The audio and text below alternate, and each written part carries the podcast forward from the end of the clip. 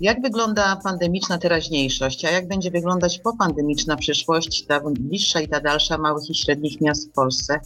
Czy w małych i średnich miastach będą dokonywać się zmiany? Czy będą to zmiany ekonomiczne, społeczne, przestrzenne? Jakie czynniki wpływają pozytywnie, a jakie negatywnie na rozwój małych i średnich miast? O tym porozmawiamy dzisiaj w odcinku podcastu Pojutrze.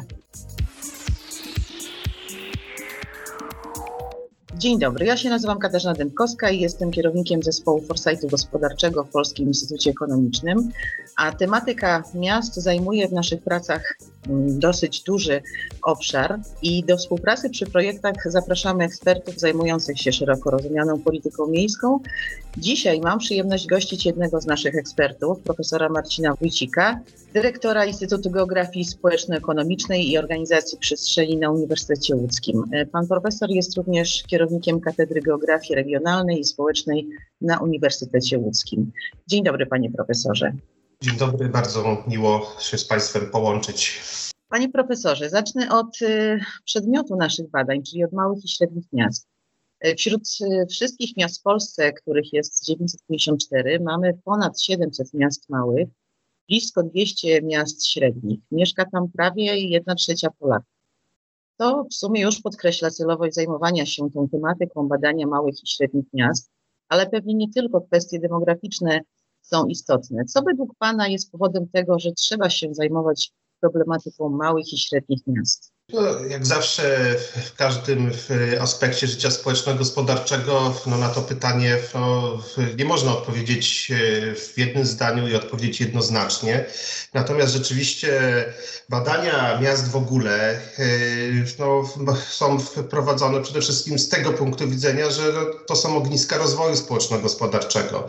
Ale oczywiście oprócz miast dużych, na które bardzo często zwracamy uwagę, no, w badaniach naukowych, czy to ekonomicznych, geograficznych, socjologicznych i innych, no zwracamy uwagę również na miasta małe i średnie. Tym bardziej jest to ważne w Polsce, gdzie te małe, w tych małych i średnich miastach, tak jak pani powiedziała, no, koncentruje się znaczny potencjał społeczno-gospodarczy i to jest myślę również istotne, jest to pewnego rodzaju fenomenem Polski, że mamy coś, co nazywa się takim rozwojem w, w sieci osadniczej miast i dużych, średnich i małych, co nazywa się rozwojem policentrycznym. To znaczy, że no, mamy do czynienia z dość równomiernym rozkładem, choć oczywiście są różnice pomiędzy regionami, lepiej rozwiniętą w, w, te, w, tej, w tej płaszczyźnie wielkopolską, małopolską czy, czy śląskiem oczywiście, a regionami na przykład wschodnimi czy w, północnymi. Poza tym to myślę, że należy na, to, na tą kwestię spojrzeć również z innego punktu widzenia, a mianowicie te rozkłady mają nie tylko charakter regionalnych zróżnicowań pomiędzy Polską Wschodnią, Polską Zachodnią. Tutaj są oczywiście uwarunkowania historyczne bardzo istotne, jak to się rozwijało oczywiście w, w naszych dziejach jakie były czynniki, które do tego prowadziły w kontekście dzisiejszych, dzisiejszych również i współczesnych czynników, ale jest istotne, że to, że również y, te szczególnie małe miasta mamy w strefach aglomeracji, w strefach metropolitalnych, czyli mamy je w strefach codziennych związków pomiędzy ośrodkiem centralnym a peryferiami takich układów y, miejskich. I myślę, że jakby z punktu widzenia sieci osadniczej, zajmowania się siecią osadniczą i patrzenia na rozwój e, z punktu widzenia przestrzeni, tego, że ten rozwój w różnych miejscach przestrzeni inaczej w, e, zachodzi, no jest to bardzo interesujące. Oprócz oczywiście czynników uniwersalnych, które w, w, tu w badaniach, e, do których Państwo mnie zaprosili w, w, w które występują. Natomiast jest jeszcze jedna kwestia, bo oprócz y, kwestii sieciowych, no jest jeszcze kwestia y, samych miast i zagospodarowania przestrzennego tych miast, a mianowicie no, każde to miasto, w, w każdym mieście można pokazać pewne strefy, które są dopasowane do funkcji, które to miasto spełnia. Są strefy mieszkaniowe, przemysłowe, usługowe, często te funkcje są wymieszane. Istotne również jest to, jak gospodarujemy przestrzenią i jak wewnątrz tego miasta no, planowane są różnego rodzaju elementy i infrastruktury różnej, mieszkaniowej, społecznej, ekonomicznej i jednocześnie jak podchodzimy do przyszłości tych ośrodków i do tego, jak one będą się w, w, w następnych latach e, rozwijały. I tu jest jeszcze jedna istotna kwestia z punktu widzenia w, i tych badań, i w ogóle badań nad e, ośrodkami małymi i średnimi. Mianowicie każde miasto wytwarza strefę wpływów i jego wpływy nie kończą się na granicy ośrodka, ale wychodzą często dużo dalej. Czyli musimy pamiętać, że jeżeli rozmawiamy o rozwoju małego czy średniego ośrodka, to rozmawiamy również o rozwoju tego, co znajduje się wokół. Zazwyczaj są to gminy wiejskie. Tak więc y, to jest jakby trzecia rzecz, a czwarta rzecz, która też w tych badaniach y, bardzo mocno w, w, y, była eksponowana, to jest, to, jest, to jest problem funkcji tych miast, mianowicie w jaki sposób działalność, która w tych miastach jest prowadzona, wpływa na w, na przykład poziom życia ludności, czy też yy, zainteresowanie inwestorów. I oczywiście no tutaj no nie jest odkryciem, że im bardziej rozbudowaną strukturę funkcjonalną ma miasto, małe, średnie, tym lepiej sobie radzi. I w warunkach kryzysu, kiedy jedna na przykład z branż jest branżą schyłkową, ale albo przechodzi prawda, no, jakiegoś rodzaju perypetie, to są inne elementy, które budują, mówi się tutaj w nauce, no, bazę ekonomiczną tego miasta. No i piąta rzecz, kolejna rzecz, to, są, to, jest, to jest kwestia czynników społeczno-kulturowych, a mianowicie oprócz tego, że mamy oczywiście te twarde czynniki lokalizacji, jak na przykład właśnie funkcjonowanie w sieci osadniczej, funkcjonowanie w układzie drożnym i to pytanie, czy blisko, czy daleko y, od szosy jest ciągle pytaniem no, bardzo ważnym, to jest jeszcze kwestia no, takich uwarunkowań społeczno-kulturowych, a mianowicie oprócz pewnych prawidłowości, no można też dostrzec no, pewne odstępstwa, że są na przykład jednostki, które są położone na peryferiach, ale całkiem dobrze sobie radzą, ale całkiem dobrze sobie radzą, bo mają pewną kulturę, w, czy mają po prostu kulturę w, i pewnego rodzaju uwarunkowania i predyspozycje społeczne do tego, aby lepiej wykorzystywać szanse, które przychodzą w, y, w ostatnich, które przychodziły w ostatnich latach, zwłaszcza w okresie tutaj przedpandemicznym. No właśnie, pandemia zaskoczyła miasto, zaskoczyła wszystkich. To jest y, coś, z czym się borykamy teraz i przedsiębiorcy, ale również i jednostki samorządu terytorialnego, czyli właśnie miasta. Z naszych badań wynika, że pandemia bardzo silnie wpłynęła na funkcjonowanie i małych, i średnich miast. Nawet można było powiedzieć, że bardziej wpłynęła gorzej na funkcjonowanie średnich miast. Pogorszyła ich sytuację finansową czy sytuację bytową mieszkańców, na to wskazują nasi respondenci.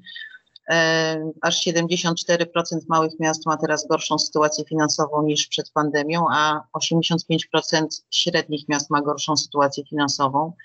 Czyli generalnie w jakiś sposób myślę, że ta pandemia ten rozwój przyhamowała, ale jak miasta mogą sobie poradzić w takiej trudnej sytuacji? Na czym się powinny teraz głównie koncentrować? Czy na zaspokojaniu jakichś bieżących swoich potrzeb, na walce z pandemią, czy może też powinny myśleć już o przyszłości, myśleć o inwestycjach, myśleć o strategiach? Czy w małych i średnich miastach będą się dokonywać zmiany e, w przyszłości i czy te zmiany będą miały charakter ekonomiczny, społeczny, przestrzenny?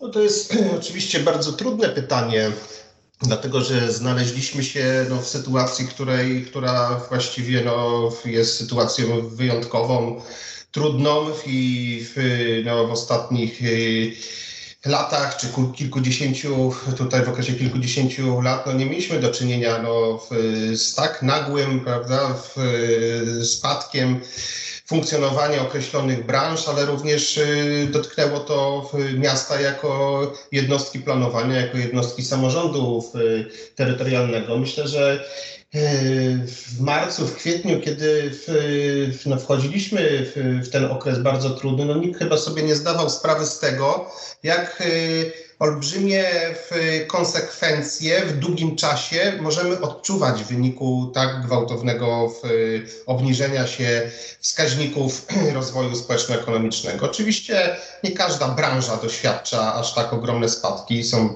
branże, które wiemy zaczęły sobie lepiej radzić. No, oczywiście czego e, przyczyną jest pandemia, jak na przykład y, no, tutaj firmy na przykład kurierskie, prawda, i, i różnego rodzaju przesyłkowe.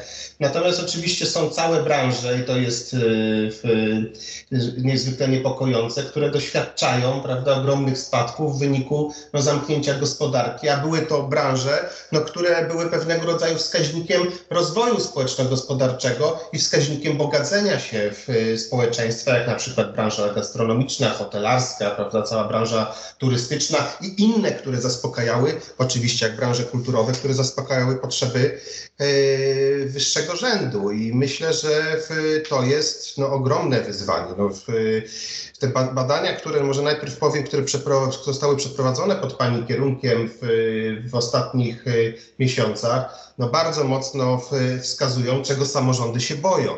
Tutaj mogę powiedzieć, no samorządy boją się bezrobocia na przykład. Tak?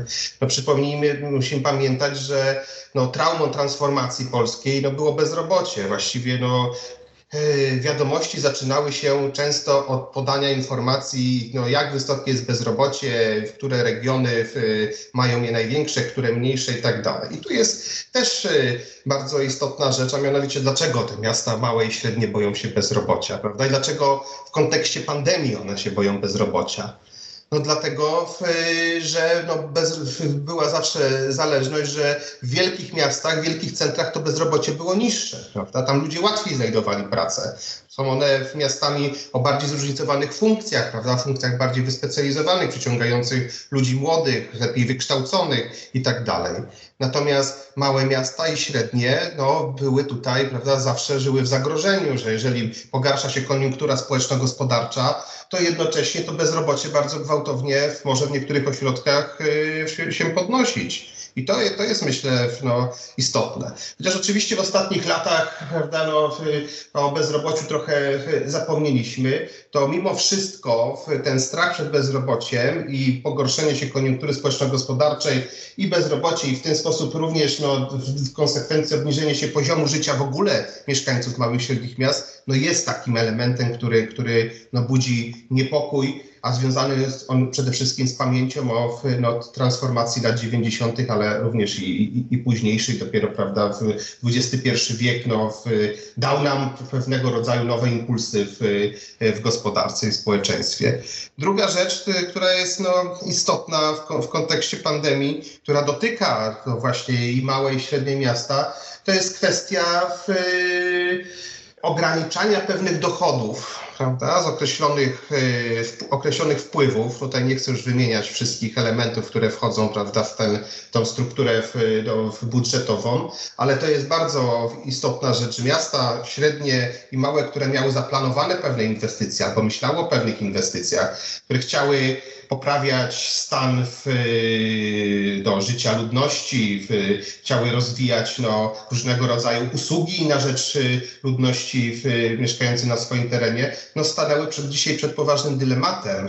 Właściwie no, y, jak planować w, właśnie w warunkach takich, gdzie prawdopodobnie no, w najbliższym okresie te dochody będą kształtowały się poniżej oczekiwań, które, które samorządy miały w, w ostatnich latach. I stąd też, że Państwa, no, w, ten strach również przed ucieczką mieszkańców z małych, średnich ośrodków, który oczywiście ten odpływ ciągle istnieje, ale został on może trochę w ostatnich latach ograniczony właśnie przez to, że również na peryferiach pewne pozytywne y, aspekty rozwoju dostrzegaliśmy, to właśnie no, ten strach przed, przed ucieczką mieszkańców jest też ogromny i jednocześnie przed spadkiem zamożności. I myślę, że to, to są te rzeczy. Natomiast czego chcą samorządy?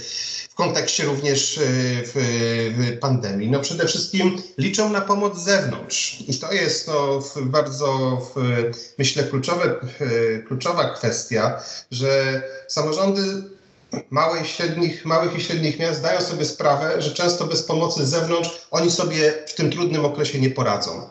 Ale pomoc z zewnątrz no, jest oczekiwaniem wszystkich, wielu grup społecznych, prawda? wielu grup zawodowych. No i oczekiwania samorządu co do pomocy państwa w rozwiązywaniu problemów jest bardzo duże, a jednocześnie no, biorąc pod uwagę pomoc i środki pomocowe kierowane do jednostek samorządu terytorialnego z Unii Europejskiej na różnego rodzaju właśnie dofinansowanie inwestycji, dofinansowanie rozwoju społecznego, dofinansowanie usług, no, rozbudziły też pewne nadzieje. I tutaj no, też y, samorządy liczą na to, że ten strumień środków, który był kierowany do nich w najbliższych latach nie osłabnie a, i pozwoli on oczywiście ograniczyć skutki w pandemii w najbliższym czasie.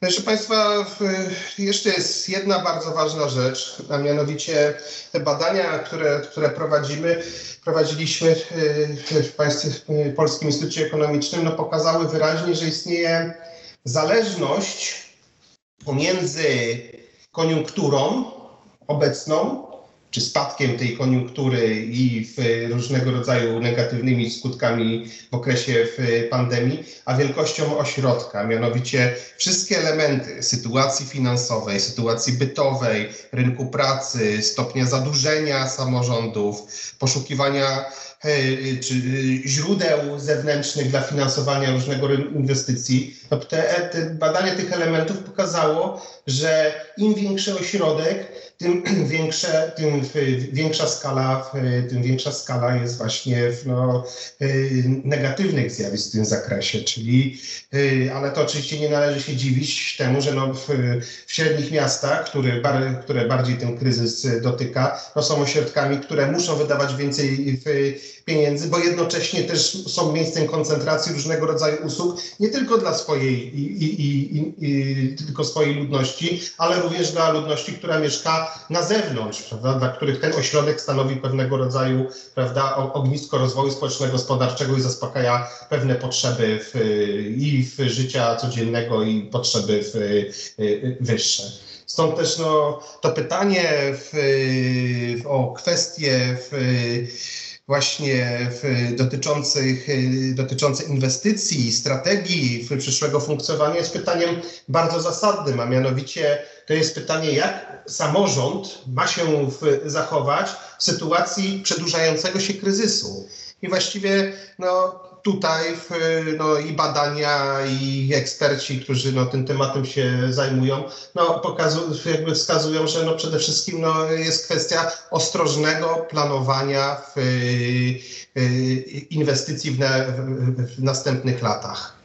Jest to bardzo trudne dla, dla samorządowców, ale należy się liczyć z tym, że ten poziom inwestowania nie dojdzie, nie będzie miał miejsca w, no, w najbliższych, tego poziomu inwestowania nie będziemy mieli w, w najbliższych latach. I dbanie o budżet i szukanie niestety środków i, osz, i oszczędzanie w, w, w, jednostkach samorządu terytorialnego no będzie jednym z takich, no, będzie taką koniecznym działaniem, które no, musi prawda, no, nastąpić, jeśli dochody z różnych dziedzin wyraźnie będą się obniżały. No, a druga, druga, druga sprawa y, to, to jest kwestia no, właśnie usług dla ludności. Od jakiegoś czasu też zwracamy uwagę na jakość usług publicznych, które no, podnoszą w, czy wzmacniają atrakcyjność życia w małych miastach i średnich miastach.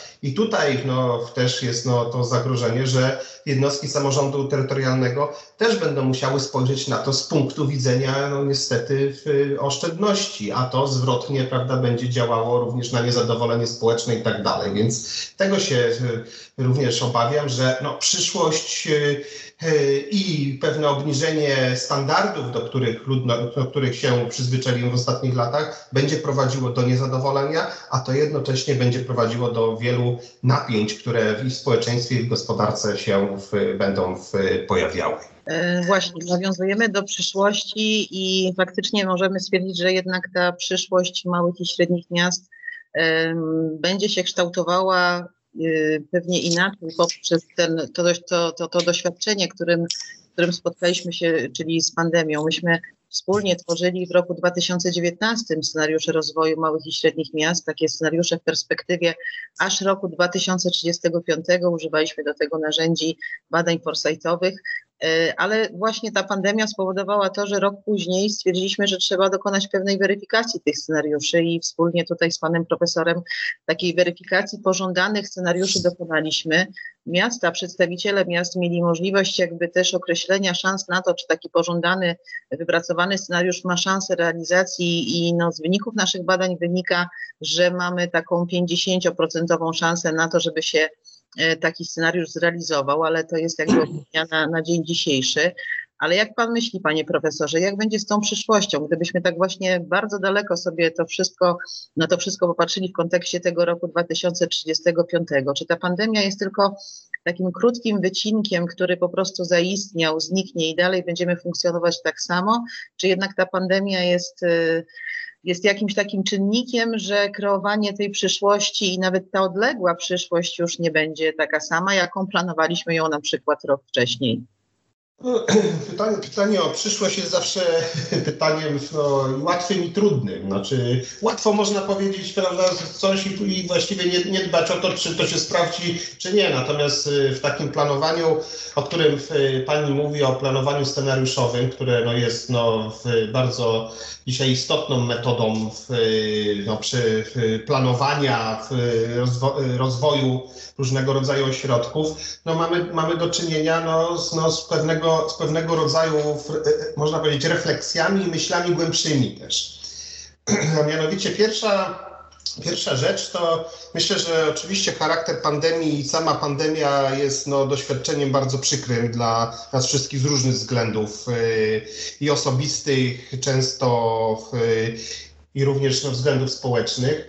Natomiast pandemia, myślę, uświadomiła nam, że no, generalnie no, rzeczywistość jest dość krucha a mianowicie w, musimy się liczyć z tym, że w, na obecnym etapie rozwoju cywilizacji, prawda, rozwoju społeczno-gospodarczego, mogą występować pewne zjawiska, które nagle będą odwracały bieg pewnych zdarzeń i powodowały, że, przepraszam, że będziemy myśleć znowu zupełnie inaczej o naszym życiu i o naszych przyzwyczajeniach. Nie wiem, jakie elementy mogłyby tutaj oczywiście, jakie elementy moglibyśmy, czy inne elementy moglibyśmy wymienić, które są tym czynnikiem ryzyka. O, słowo ryzyko jest bardzo tutaj dobre. Natomiast no, biorąc pod uwagę no, na przykład zmiany klimatyczne, które no, obserwujemy, ale również no, zmiany w, w środowisku jako takim, prawda, które no, podlega ciągle, ciągłej, ciągłej presji człowieka, te elementy i zwrotne oddziaływanie pewnych, pewnych mechanizmów na system społeczno-gospodarczy może być bardzo istotny. Stąd też no, w, należy liczyć się z tym, że w, pandemia, jak i różne kryzysy, które mogą nas co jakiś czas dotykać, będą bardzo mocno wpływały na przeformułowanie w ogóle koncepcji życia społeczno-gospodarczego. I proszę zwrócić uwagę, co nie jest ani moim odkryciem, prawda, ani w, tutaj w odkryciem w ostatnich lat, że no kluczową rolę przejęły w tym momencie technologie. Właściwie bez rozwoju technologii, bez usieciowienia, bez internetu, właściwie funkcjonowanie podczas pandemii y, ekonomiczne, społeczne byłoby właściwie niemożliwe. To znaczy, że musielibyśmy funkcjonować normalnie i, i, i funkcjonować w dużym ryzyku wykonywania naszych prac.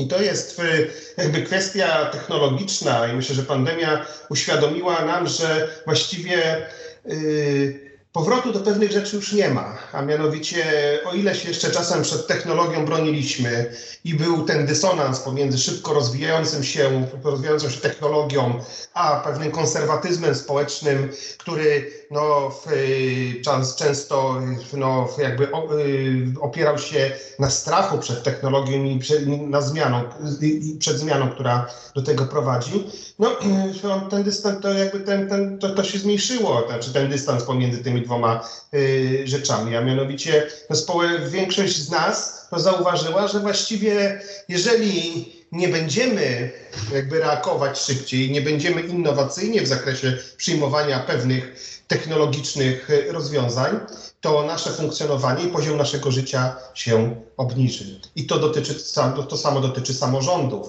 Samorządy, jak, jak widzimy, przepraszam, z naszych badań, przyjęły, przyjęły taką strategię, strategię wyczekiwania, przeczekania w e, pandemii.